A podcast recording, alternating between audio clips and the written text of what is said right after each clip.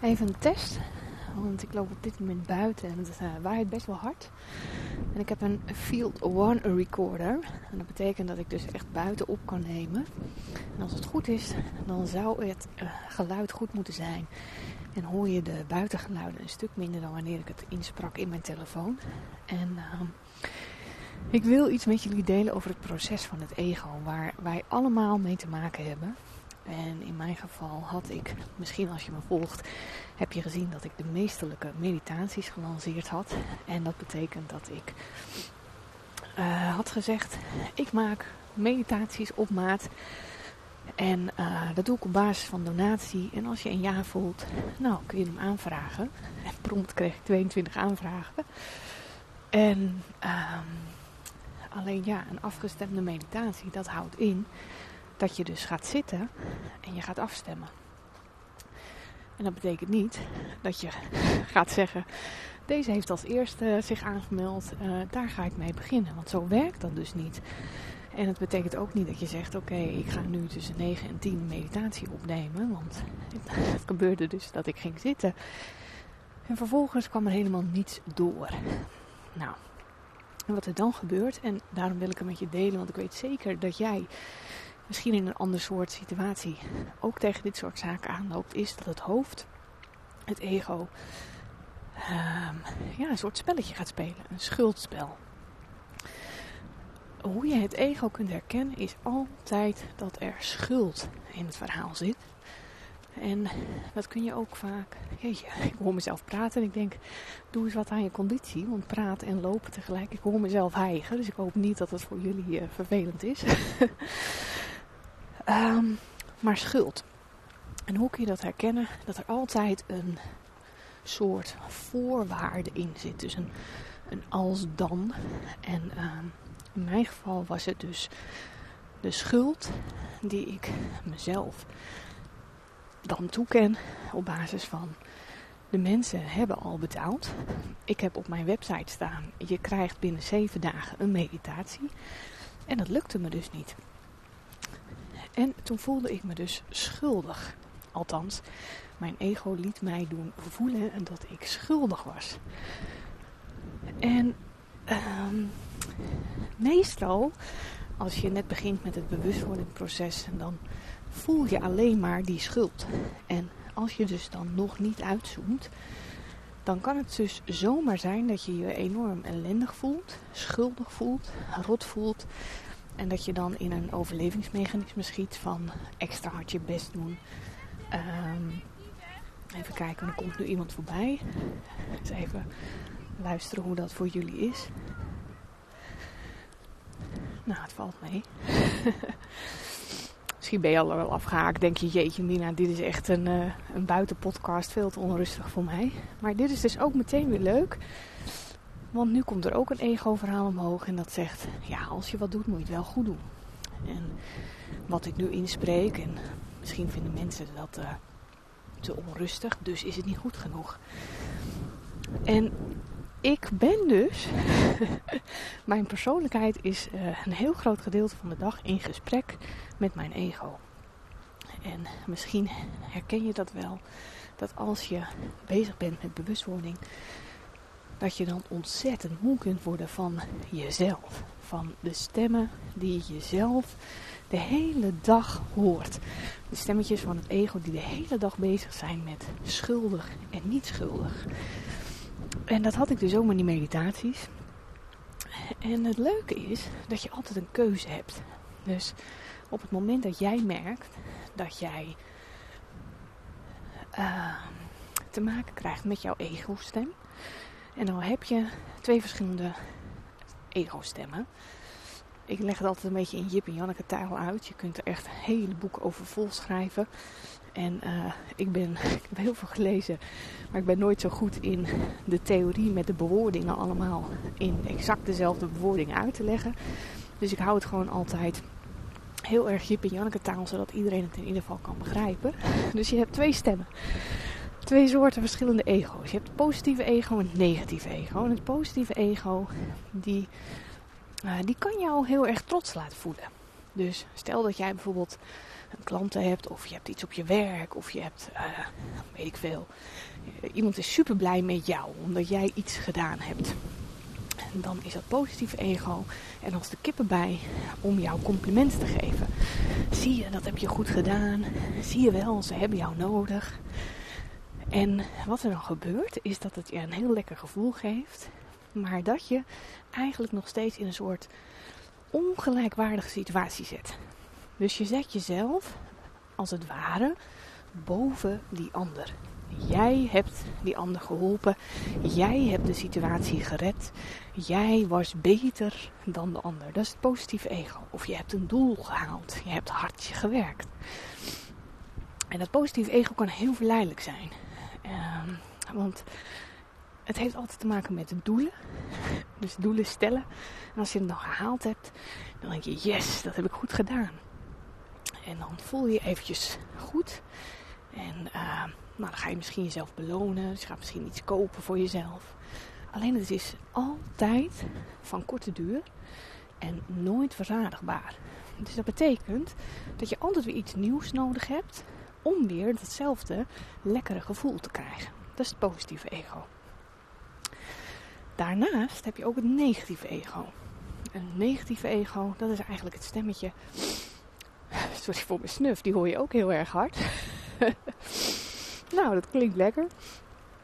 Ach ja, nou, dan komt meteen de ego-stem weer. Dat kun je toch niet maken.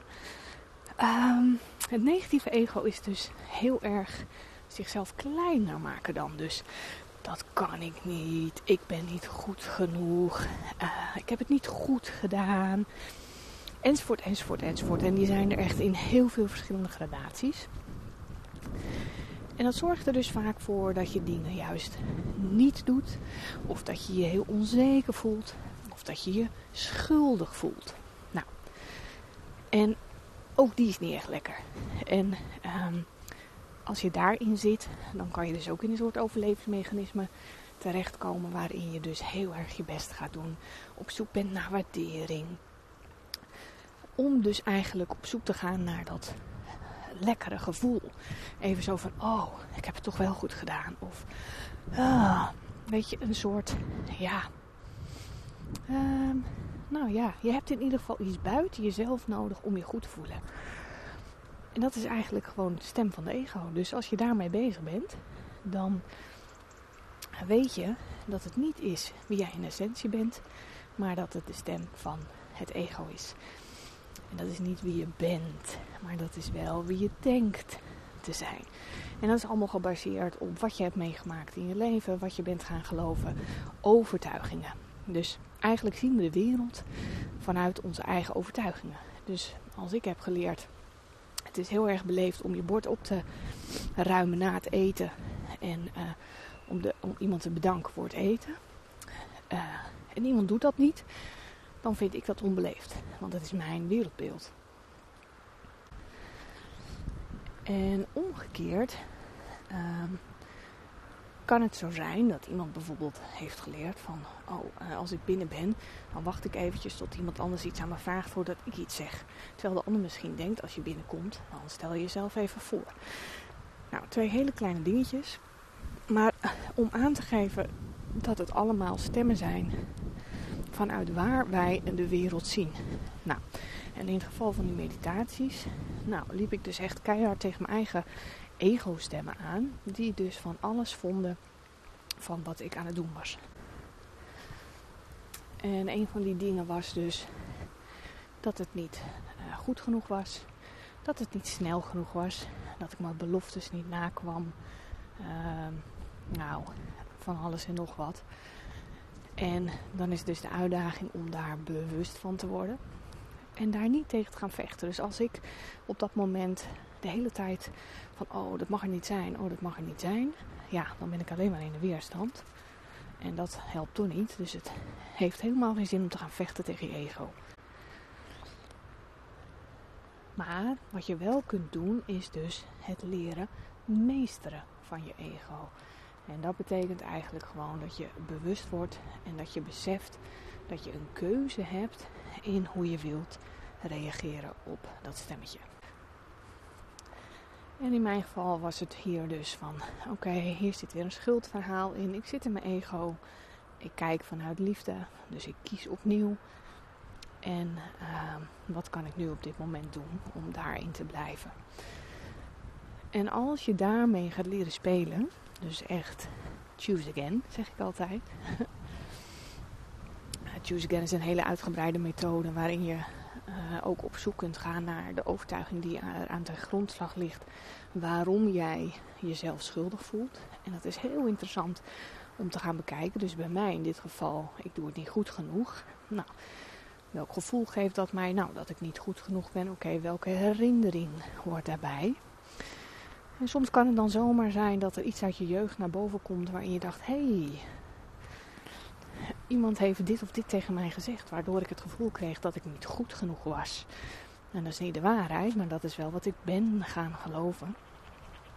En ik kan dus voor kiezen om het anders te zien. Ik kan kiezen voor liefde, omdat in liefde nooit schuld aanwezig is. En als je dus ook wat er nu allemaal gaande is in de wereld kunt zien vanuit liefde in plaats vanuit schuld, dan is het soms wat makkelijker om in deze wereld nu uh, ja, aanwezig te zijn, laat ik het zo zeggen. Vanmiddag ging ik naar de winkel en dat is natuurlijk weer een mondkapjesplicht. Nou, daar vind ik wat van. Ik vind het eigenlijk onzin. Ik heb niet het idee dat het werkt. Dus dat is ook hoe ik de wereld zie. Ik zie allemaal mensen die een mondkap dragen terwijl het niet werkt. Volgens mijn overtuiging. En dan is aan mij de vraag: wat doe ik? Ga ik erin mee? Dus ga ik al die mensen veroordelen? Of kan ik die mensen gewoon zien vanuit liefde? Vanuit zij hebben hun waarheid. Zij hebben een reden waarom zij dit doen. En hoe wil ik daar zelf in meebewegen? En, ehm, en er is dus nooit schuld. Dus of je het nou wel of niet doet, er is nooit schuld. En wanneer je steeds meer en meer je eigen ehm, verhalen kunt doorzien, kunt leren herkennen, uh, ga je ook de ander steeds meer zien voor wie hij echt is. En niet vanuit jouw eigen oordelen. En het zou zo ongelooflijk mooi zijn als we veel meer vanuit daar de wereld kunnen gaan zien. En um, nou, ik wil, niet erkennen. Nou, ik wil eigenlijk niet. Nou, ik vind het zelf soms ook best wel een uitdaging deze tijd, moet ik eerlijk toegeven. En um, een heel klein voorbeeld om toch maar eventjes ja, uit te wijden. Nou, misschien is dat eigenlijk iets voor een andere, andere podcast. Ik denk dat dit voldoende is voor nu over dit onderwerp. Uh, ik hoop dat je er iets uit hebt kunnen halen. Mocht je meer willen weten van mij, mijn manier van werken, mijn manier van coachen, kun je altijd even een kijkje nemen op mijn website www.uitliefdevoorjezelfleven.nl. Dankjewel voor het luisteren.